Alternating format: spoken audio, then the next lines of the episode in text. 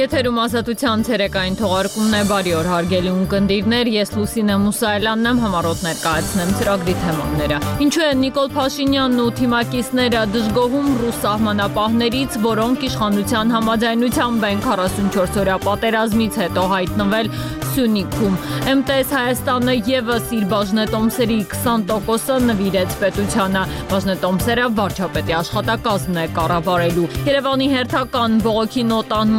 Մոսկվային Հայաստանի իշխանությունը ռուսաստանյան հերոստաեթերում կրկին խնդրահարույց բովանդակություն է տեսել։ Առաջիկա եթերաժամին կպատմենք նաև Ուկրաինայի ռազմաճակատում օրորի վաթարացող իրավիճակի մասին, ոչ այդ առաջարկում եմ ծանոթանալ օրվա լրահոսին։ Արմեն Խոլյանն է ներկայացնում։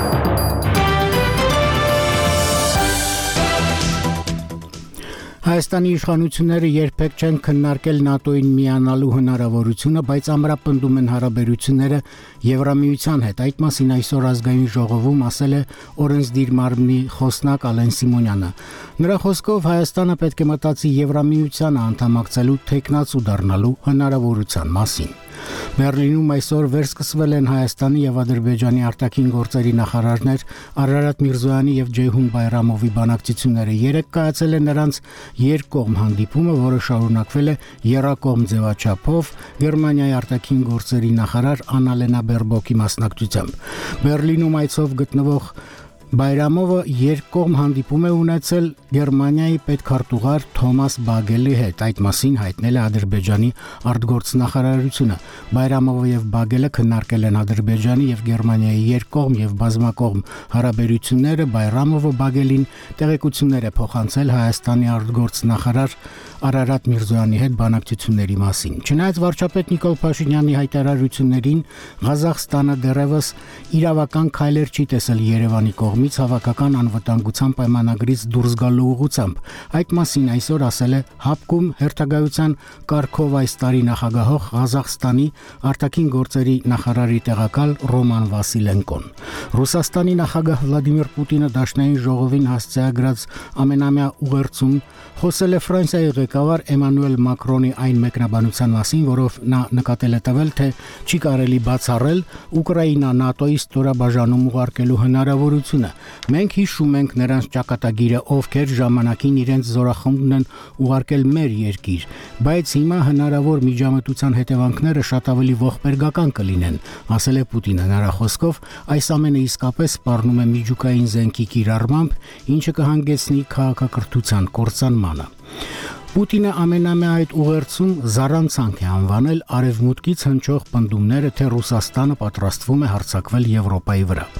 Ռուսաստանի պատվիրակությունը կմեկնի Թուրքիա Ուկրաինայի հետ բանակցելու, եթե ստանա համապատասխան հանձնարարական այդ մասին հայտնել է Ռուսաստանի նախագահ Վլադիմիր Պուտինի օգնական Վլադիմիր Մեդինսկին, ով ժամանակին ղեկավարել է ռուսական պատվիրակությունը Թուրքիայում տեղի ունեցած ռուս-ուկրաինական բանակցություններում։ Ռուսաստանի իրավապահները խստացրել են հսկողությունը Մոսկվայի Բորիսովյան գերեզմանատանը, որտեղ վաղը մարտի 1-ին պետք է հողին հանձնեն Բևերային բանտում մահացած Ռուսաստանի ընդդիմության լիդեր Ալեքսեյ Նավալնիին։ Վրաստանի նախագահ Սալոմե Զուրաբիշվիլին չի հավատում նախկին նախագահ Միխայել Սաակաշվիլիին բանտում թունավորելու եւ խոշտանգումների ենթարկելու մասին նրա աջակիցների պնդումներին, անդրադառնալով նախկին նախագահին ներում շնորելու հնարավորությանը, Զուրաբիշվիլին ասել է, թե հարցը բաց է մնում, սակայն գոյություն ունեն նրան ազատելու այլ ուղիներ, օրինակ արտահանձնումը։ ԱՄՆ նախկին հանրապետական նախագահ Դոնալդ Թրամփը հաջորդ շաբաթ Ֆլորիդայում Mar-a-Lago-ի իր կալվածքում կընդունի Հունգարիայի վարչապետ Վիկտոր Օրբանին։ ԱՄՆ կոնգրեսի երկու պալատների ղեկավարները հաստատել են, որ ձեռք են բերել համաձայնություն, որով երկիրը մարտ ամսին կխուսափի դաշնային կառավարության ֆինանսավորման դադարեցումից, այսպես կոչված շատդաունից։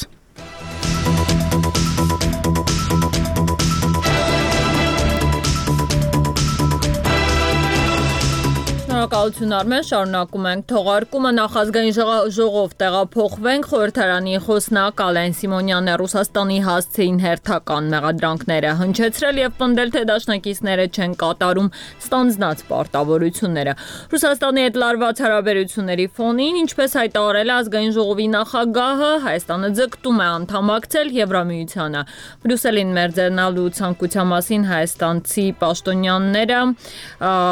պաշտոնյաների հայտարարությունները կարծեք թե պարբերական են դարձել այն բանից հետո երբ պաշտոնական Երևանը հստակեցրեց եվրոպական դաշինքի հետ հարաբերությունները կարող են խորանալ այնքան որքան Եվրոպան կկամենա Որոշում է վաղուց կայացված Հայաստանի Հանրապետության պաշտպանության համար որևիցե միջոց չխնայել, բայց ինչ-որ վեկտոր փոխելու կամ նման քննարկում տեղի չի ունեցել։ Մենք չենք քննարկում վեկտոր փոխելու հարց, մենք քննարկում ենք ինչ անենք, որ նվազեցնենք վտանգները, որոնք որ Հայաստանի Հանրապետությանը կարող են սպառնալ։ Հապկից դուրս գալու որոշումը կայացավ։ Նման որոշում չկա, նման որոշում կայացած չկա։ Եթե որոշումը կայացված չէ, ինչու վարչապետը չի բացառում, դա կարող է խնդիրներ ստեղծել Ռուսաստանի հետ հավելյալ լարված հարվածություն։ Լսեք, անկեղծ ասած, անկեղծ ասած չգիտեմ, չգիտեմ արդեն ինչ խնդիր պետք է ստեղծի, չգիտեմ, հարցակվի մեր վրա, սանկցիաներ կիրառի, արդեն ինչ պետք է անի, ասենք մենք պաշտպանության կարիք ունենք, թե Լեռնային Ղարաբաղի մասին եմ խոսում, թե Հայաստանի Հանրապետության ինքնիշխան տարածքի մասին, բայց մեկ տասնյակից ավել, եթե մեկ տասնյակից ավել դրվագներով ակնհայտ դարձավ, որ մեր դաշնակիցը մեզ չի օգնում։ Չի օգնում, հիմա չեն օգնում։ Չեն էլ ասում, որ չեն օգնելու, գոնե ասեն չենք օգնելու։ Չեն օգնում, տենց չեն օգնում, չեն օգնում։ Ասում են, դե լավ, տեսնենք, մտածենք, հասկանանք, բայց մեր երկիրը եւ մեր մարդիկ անսահման չեն եւ անծայրածիր չեն եւ մենք այդքան ռեսուրս չունենք, հա, որպեսի մեր երեխաների, մեր տղաների հաշվին եւ մեր երկրի սահմանների հաշվին սպասենք թե մեզ մեր դաշնակիցը, որը որ դաշնակիցը թե հապկով, թե ուղիղ պայմանագրով երբե օգնելու։ Գցում են իրենց վրա այս պարտավորությունները մեր ոչ ոչ բարեդրացական արձագանք, ոչ բարեդրացական քայլ եւ այլ եւ այլ եւ այլ։ Սիմոնյան, այնուհանդերձ ընդդիմությունը մտահոգություն ունի, որ այլընտրանքները, այսպես ասած, նույն հապկի, նույն 102-րդ ռազմաբազայի, նույն սահմանապահների, որոնք օրինակ հայ-թուրքական սահմանին են կանգնած, ստեղծված չեն։ Եվրոպական ներկայությունը նրանք բավարար չեն համարում։ Դուք մտած, ես չեմ տանում, ընդդիմությունը այդպիսի կարծիք է հայտնում։ Դուք այլընտրանքը կարծում եք, որ բավարար է։ Մենք իհարկե մտահոգված ենք եւ նախ որովհետեւ մեկը ռազմաբազայի մասին չի խոսում, մենք դրա մասին չենք խոսել։ Հա, իհարկե մտահոգված ենք, բայց մեր համար ակնհայտ է, որ այս անվտանգային համակարգը չի գործում։ Հիմա մենք փորձում ենք զենք գնել բոլոր հնարավոր տեղերից մեր պետությունը պաշտպանելու համար։ Հիմա եթե դա ինչ որ մի անվտանգային համակարգին խանգարում է, դա իրենց խնդիրն է իրենք իրենց պարտավորությունները ակնհայտ է որ չեն կատարում։ Եվ որևիցե քննարկում ենթադրենք ՆԱՏՕ-ի կամ որևիցե բանի մասին չի եղել։ Մեր ներսում էլ նման քննարկում չի եղել։ Եվրոմիության ռազմական դաշինք ավելի սերտացնել։ Միանշանակ, միանշանակ մենք պատրաստ ենք, մենք պատրաստ ենք, մենք պատրաստ ենք ու շարժվելու ենք այն ուղղությամբ, որը որ մեզ առավել անվտանգություն կապահովի։ Այն դեպքում, երբ դուք ասում եք, որ Հայաստանը պատրաստ է ընդհանուր մինչև Եվրամիության անդամության տեխնացուի հայտ ներկայացնել, սա չի նշանակում, որ արտաքին քաղաքական վեկտոր է փոխվում։ Ինչու եք անընդհատ հերքում այդ հայտարարությունը։ Որովհետև չեմ ուզում շտապել, մեկ Երկրորդը չեմ ուզում, որ ստացվի, որ միակողմանի ինչ որ քայլ է արվում եւ կարելի ասել մեր գործողությունները ցույց են տալիս, որ մենք մեր նույնիսկ ցուցանիշներով շատ ավելի բարձր ցուցանիշներ ունենք ժողովրդավարության, քան մեր շատ շատ գործընկեր երկրներ, որոնք արդեն Եվրոմիության անդամ են ու նույնիսկ նույնիսկ անդամ են եւ դա չենք ասում մենք, դա ասում են Եվրոմիության մեր գործընկերները բանաձևերով եւ այլ եւ այլը եւ ես կարծում եմ, որ այդ ուղղությամբ մենք պետք է մտածենք, բայց նորից ես չեմ ուզում շտապեմ եւ քայլ անեմ, որովհետեւ երկրի պարագայում պետության պարագայում կտրուկ շարժումներ անելը լավ չի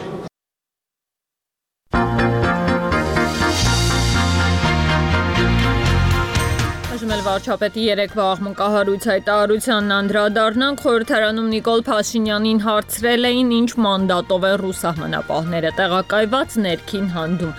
Թեման սուր քննարկումների տեղիք է տվել վերջին արյունալի դեպքերից հետո իրարամերժ հայտարարություններին զուգահեռ Հայաստանի իշխանությունը նաև կասկածի տակ դրեց այդտեղ գտնվող ռուսական ներկայության արդյունավետությունը։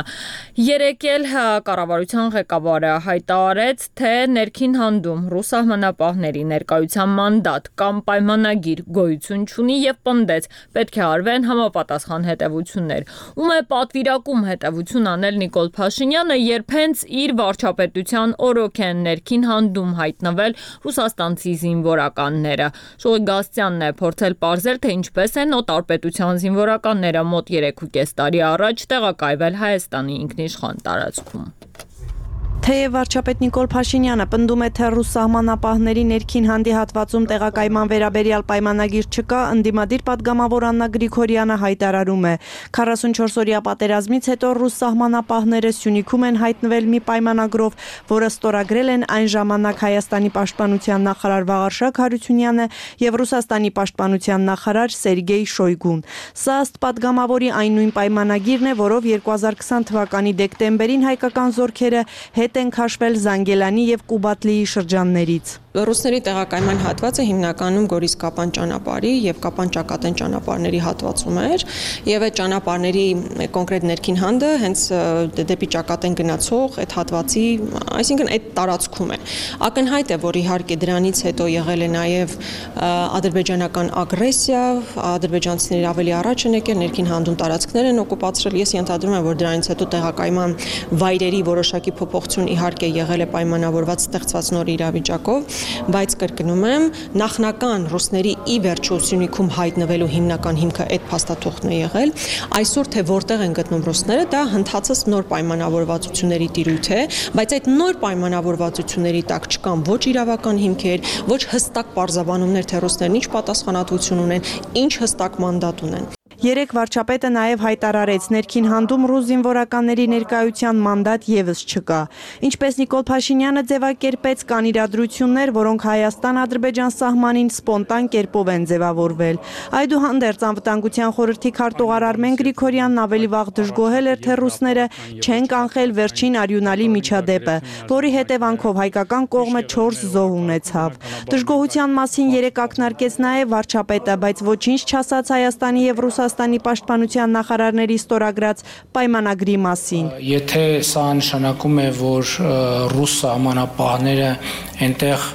որևէ անվտանգային գործառույթ չեն կարող իրականացնել, ենթադրվում է, որ սրանից պետք է արվեն նաև համապատասխան հետևություններ։ Ինչու են Նիկոլ Փաշինյանը եւ նրա թիմակիցները դժգոհում ռուս սահմանապահներից այն դեպքում, երբ հենց իշխանության համաձայնությամբ են ռուսները 44-օրյա պատերազմից հետո հայտնվել Սյունիքում։ Ընդ որում, ինչպես իրենք են պնդում, առանց հստակ մանդատի եւ պայմանագրի։ Ի վերջո, ո՞րն է եղել իշխանության ակնկալիքը, երբ համաձայնել են Սյունիքում ռուս սահմանապահների տեղակայմանը։ Ազգային ժողովի պաշտպանության հանձնաժողովի փոխնախագահ Արմեն Խաչատրյանը եւս հստակ չի պարզաբանում։ Դուք երևի մոռացել եք, որ 20 թվին եղել է 44 օրյա պատերազմ, դրանից հետո խաղապահ զորքեր են մցվել Արցախի տարածք, դրանից հետո որոշակի ռուսական կոնտինգենտ շարժեր են ունեցել Սյունիքի մարզում,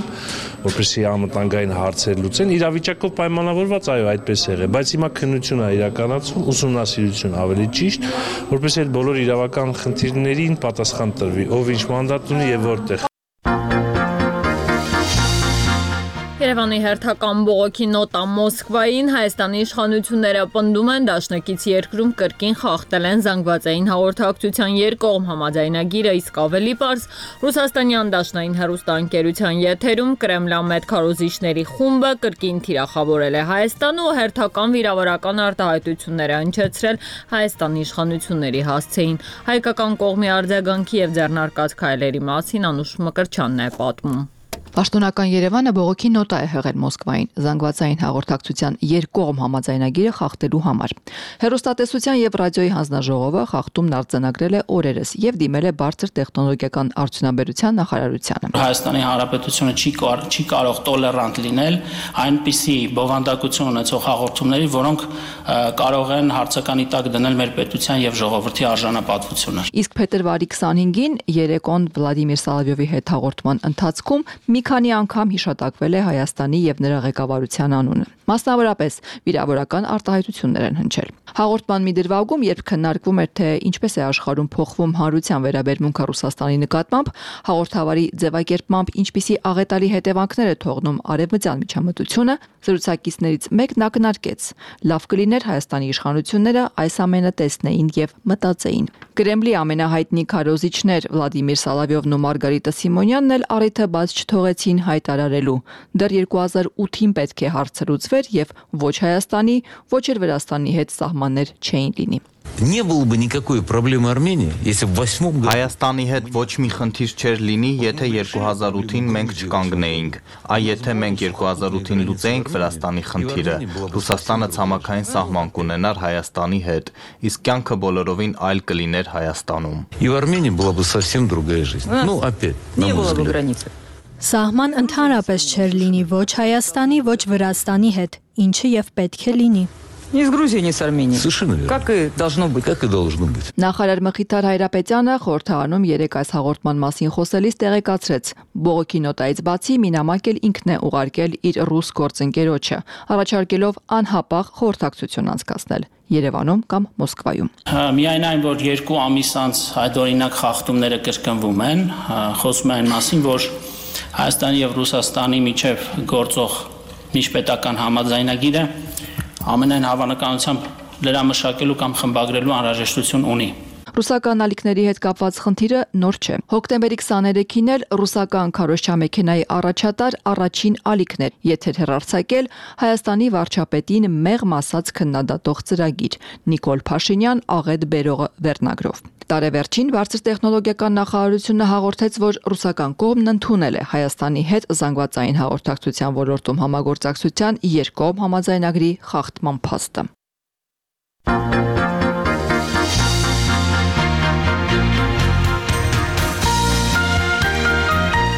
Այլ թեմաների մասին MTS Արմենիա ընկերությունը որոշել է իր 100% բաժնետոմսերի 20%-ը նվիրաբերել կառավարությանը։ Սա վերջին 3 տարվա ընթացքում արդեն երրորդ խոշոր ընկերությունն է, որը պետությանը նման շքեղ նվիրատվություն է անում։ Ինչպիսի պայմանավորվածությունների, ինչի դիմաց են խոշոր բաժնետոմսեր փոխանցվում կառավարությանը հստակ չէ։ Վարչապետ Փաշինյանի հավաստմամբ իրենք չեն դռներ թակում, ներդրողներն են ինքնական որոշում նվերանել կառավարությանը, բայց Բայց այն, որ այս գործարքները խնդրահարույց են առնվազն թափանցիկության տեսանկյունից, նույնիսկ պաշտոնական շրջանակներում են խոստովանում։ Ռոբերտ Զարգարյանն է մանրամասնում։ Ոչ մեկ թող բան սենց խետ հայացքով մեզ չնայ։ MTS Հայաստանի բաժնեմասերի 20%-ը պետությանն է։ Կառավարությունն այսօր ընդունեց ընկերության խոշոր նվերը։ Ընդ որում բաժնետոմսերը վարչապետի աշխատակազմն է կառավարելու։ Մնացել են միայն թղթաբանական հարցերը։ Շուտով պայմանագիր կկնքեն։ Հայաստանի Հանրապետության կառավարությունը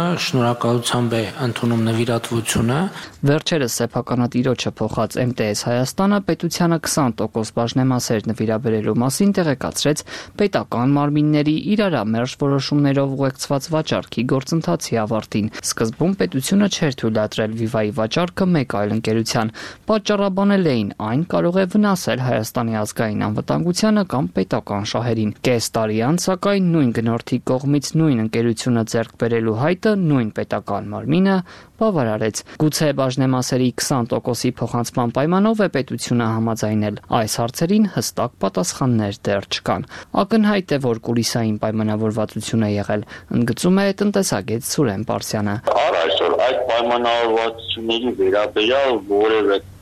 տեղեկություն չկա եւ այստեղ է հիմնական խնդիրը. MTS Հայաստանը Կիպրոսում գրանցված Fedilco Group Limited ընկերությունն է գնել։ Fedilco-ի իրական շահառուներ նստկապի օպերատորի Ջրե Ջանկն ու Կոստանտին Սոկոլովն են։ Ընկերությունը նրանց որպես պրոֆեսիոնալ ներդրողներ է ներկայացնում։ Հետքն ուսումնասիրելով այս անձանց գործունեությունը եզրակացրել էր, նրանք պարզապես կառավարիչներ են ու աշխատում են իրական սեփականատերերի համար, որոնք Երևալ չեն ուզում։ Այսպիսով կառավարությունը 3 տարվա ընթացքում արդեն 3-րդ խոշոր ընկերությունից է նվիրատվություն ստանում. 15% Զանգեզուրի պղնձամոլիբդենային կոմբինատից, 12.5 Լիդիան Արմենիայից, 20 էլ MTS Հայաստանից։ Նիկոլ Փաշինյանը վստահեցնում է, իրենք դռներ չեն թակում, ներդրողներն իրենց կամքով են նվերներ անում։ Մենք այդպիսի դեպք չունենք, որ մարդու դուրը ծեծենք, ասենք հարգելի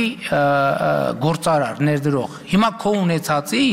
20%-ը մերն է ընդդիմախոսները սակայն այս ամենում մեծ ռիսկեր են տեսնում նույն ձևով ինչպես այսպես անիմն գույք են Եթե ասում եք նվեր տվել, այդ նույն չափով դատապարտելի է, որ առանց հիմքի գույք ես վերցնում եւ մնացած բոլոր դրա հետևանքներն ու ռիսկերը հաշվի չառնելով։ Ի վերջո դա տեսնում են մեր պոտենցիալ ներդրողները եւ դա միայց եւ էական ռիսկ է։ Ի տարբերություն վարչապետի վստահեցումների գործադիրում ավելի զգույշ արտահայտվողներ էլ կան։ Ֆինանսների նախարարն օրինակ ընդունում է. խնդրահարույց է, երբ հանրությունն ու ներդրողները տեղյակ չեն լինում, թե ինչպես են նման գործարքներ տեղի ունենում։ Որ եթե հանրությունը տեղյակ չի, թե ինչպես է տեղի ունենում ամեն ինչ, այստեղ կարող են որոշակի խնդիրներ առաջանալ ներդրումային միջավայրի հետ կապված եւ մենք այստեղ պետք է շատ զգուշ լինենք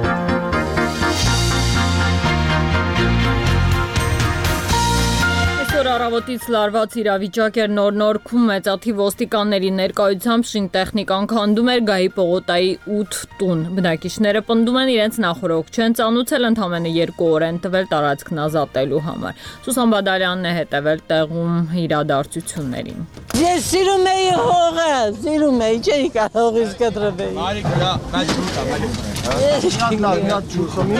Առավոտից քանդող տեխնիկան մտել է Գայի պողոտայի սկզբնամասում գտնվող ինքնակամ կառուցապատված տարածք։ Քաղաքապետի այսօրվա որոշմամբ պիտի քանդվեն բոլոր շինությունները։ Այստեղ նաև բազմաթիվ կարմիր պերետավորներ կային։ Տարածքը մարդիկ տասնամյակներով օգտագործել են առանց սեփականության իրավունքի։ Խորց արել եք օրինական։ Շատ անգամ, մերժումել անգամ չեն տվել։ Քաղաքապետանը դեռ չի որոշել, պետք է քարտեզագրի, որ նոր ձեզի պատասխան տանք։ Առանց պատասխան, առանց զգուշացնելու։ Երկու շաբթ օրն եկան, ասին 3 շաբթ, 4 շաբթի քանդում են, ձեր վեշերը հավաքեք։ Լույս, ջուր, կոյուղի ամեն ինչ եղել է։ Երրաֆազ են քաշել, 25-30 միլիոն դրամ գումար ենք ծախսել։ Պահել են, ամեն անգամ դիմել ենք, ամեն տարի։ Սեփականացնելու համար։ Սեփականացնելու համար քաղաքապետարանում կա մեր տվյալները ամեն ինչ կա։ Ուղղակի դե չուզեցան անեն,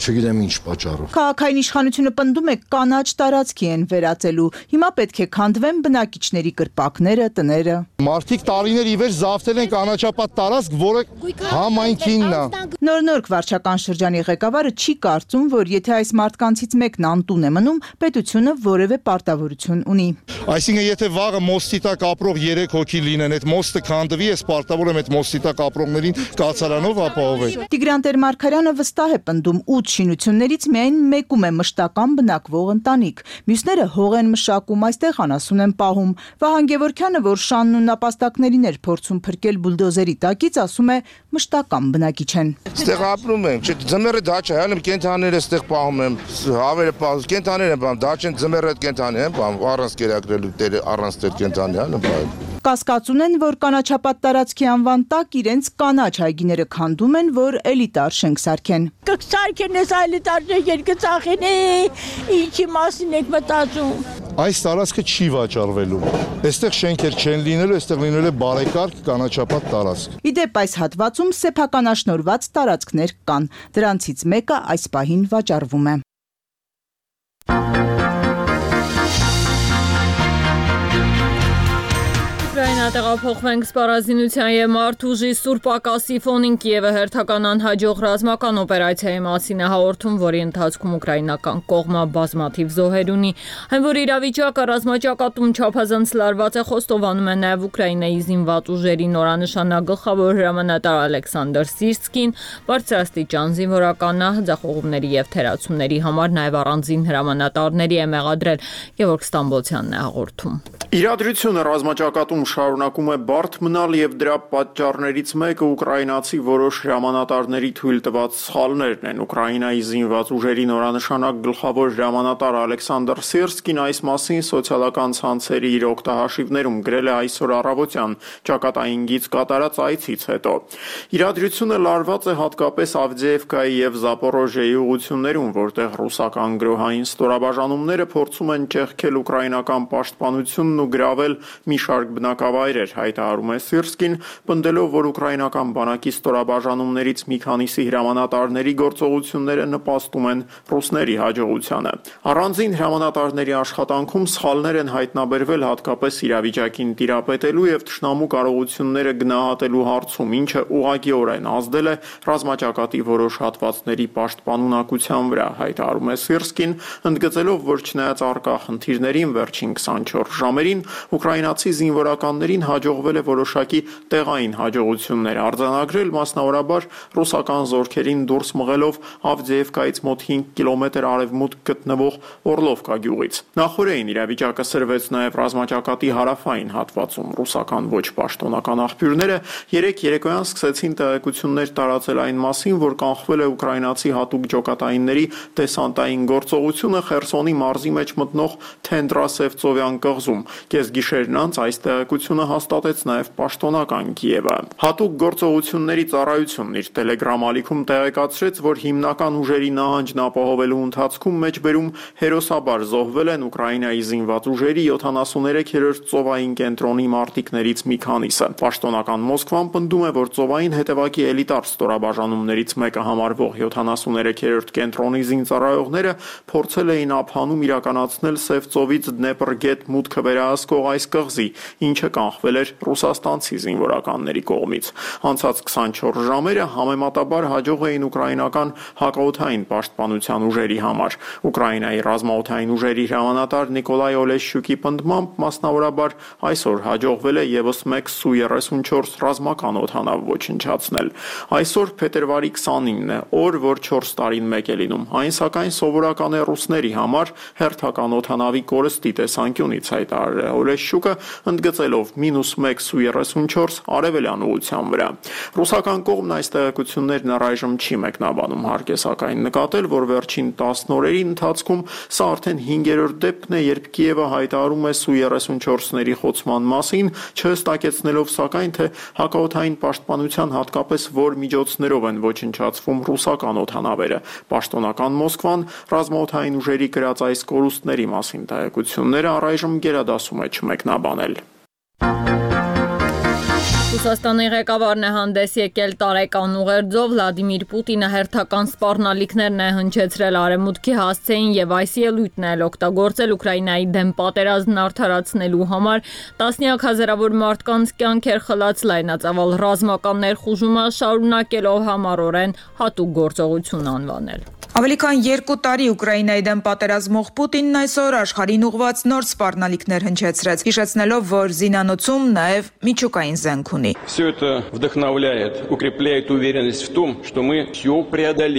Տարեկան ուղերձով դիմելով խորհրդարանին Կրեմլի ղեկավարը պնդեց, թե իր երկրում բացարձակ մեծամասնությունն աջակցում է ագրեսիային։ Արտաքին ուժերն էլ եթե փորձեն միջամտել կամ ներխուժել Ռուսաստան, ծանր հակահարված կստանան։ Դրանք պետք է ի վերջո հասկանան, որ մենք էլ ունենք զենք եւ իրենք գիտեն այս մասին։ Մենք էլ ունենք զենք, որը կարող է խոցել իրենց տարածքում գտնվող թիրախները։ Պուտինը թերևս խոսում էր Ֆրանսիայի նախագահ Էմանուել Մակ Մակրոնի մասին, ով այս շաբաթասկզբին հայտարարեց, թե Ուկրաինայի հաղթանակի համար պետք է նաև դիտարկել այդ երկիր ՆԱՏՕ-ի զորք ուղարկելու հնարավորությունը։ Մենք հիշում ենք նրանց ճակատագիրը, ովքեր ժամանակին իրենց զորքեր ուղարկեցին մեր երկրի տարածք։ Հիմա հնարավոր հետևանքները նրանց համար շատ ավելի ողբերգական կլինեն։ Մի քանի շաբաթից վերընտրության գնացող Պուտինը կրկին բաժանարար գծեր անցկացրեց Ռուսաստանի ու Արևմուտքի միջև։ Մի կողմում իրենք են, մյուս կողմում հակառակորդները, ինչպես սառը պատերազմի ժամանակ։ Ընդ որում ընդգծեց, որ այդ իրավիճակն առաջիկայում դժվար թե փոխվի, քանի որ Մոսկվան այսօր չի ուզում Արևմուտքի ավելի կոնկրետ Միացյալ Նահանգների հետ բանակցություններ։ Խոստանալով զարգացում ու բարգավաճում Պուտինը միաժամանակ պնդեց. Ռուսաստանը շարունակելու է պատերազմը Ուկրաինայի դեմ, որը տասնյակ հազարավոր ռուսաստանցիների կյանքեր է խլել։ Ընդ որում, ինչպես անցած տարվա երկու ժամանոց ելույթում, այս անգամ էլ նա որևէ անգամ չօգտագործեց պատերազմ բառը։ Ուկրաինայի վրա հարձակումը որակեց որպես հատուկ գործողություն, կրկնելով իր կեղծ թեզերը, թե դրա նպատակն է արմատախիլ անել ֆաշիզմն Ուկրաինայում։ Ուղերձից առաջ նրա խոսնակը լրագրողներին ասել էր, թե Պուտինը այսօր ելույթ է ունենալու ոչ միայն որպես գործող նախագահ, այլև նախագահի տեխնացու։ Ոստի նա մանրամասն անդրադարձավ նաև սոցիալական թեմաներին։ Նախընտրական խոստումներ տվեց թոշակներն ու աշխատավարձերը բարձրացնելու վերաբերյալ, բայց այդպես էլ որևէ բառ չասաց Ռուսաստանում ու երկրից դուրս ամենաշատը քննարկվող թեմայի՝ բանտում մահացած ընդդիմադիր Ալեքսեյ Նավալնու մասին։ Ազատություն TV-ն արդեն հասանելի է Հայաստանի բոլոր գլխավոր կաբելային ցանցերում։ Դիտեք մեզ Ucom-ի 222-րդ, Rosttelecom-ի 18-րդ եւ Team TV-ի 3-րդ ալիքներով։ Ազատության շուրջօրյա անկողմնակալ լրատվությունը, բացառիկ հարցազրույցները, ուղիղ միացումներն ու ռեպորտաժները կարող եք դիտել նաև ազատություն.am կայքում, YouTube-ում ու մեր Facebook-յան էջում։ Ժամի համար այսքանն ենք նախատեսել ազատության հիմնական թողարկումը ժամը 19:00-ին է միացեք մեզ այդ ժամին խոսափողի մոտ Լուսինա Մուսայելյաններ առայժմ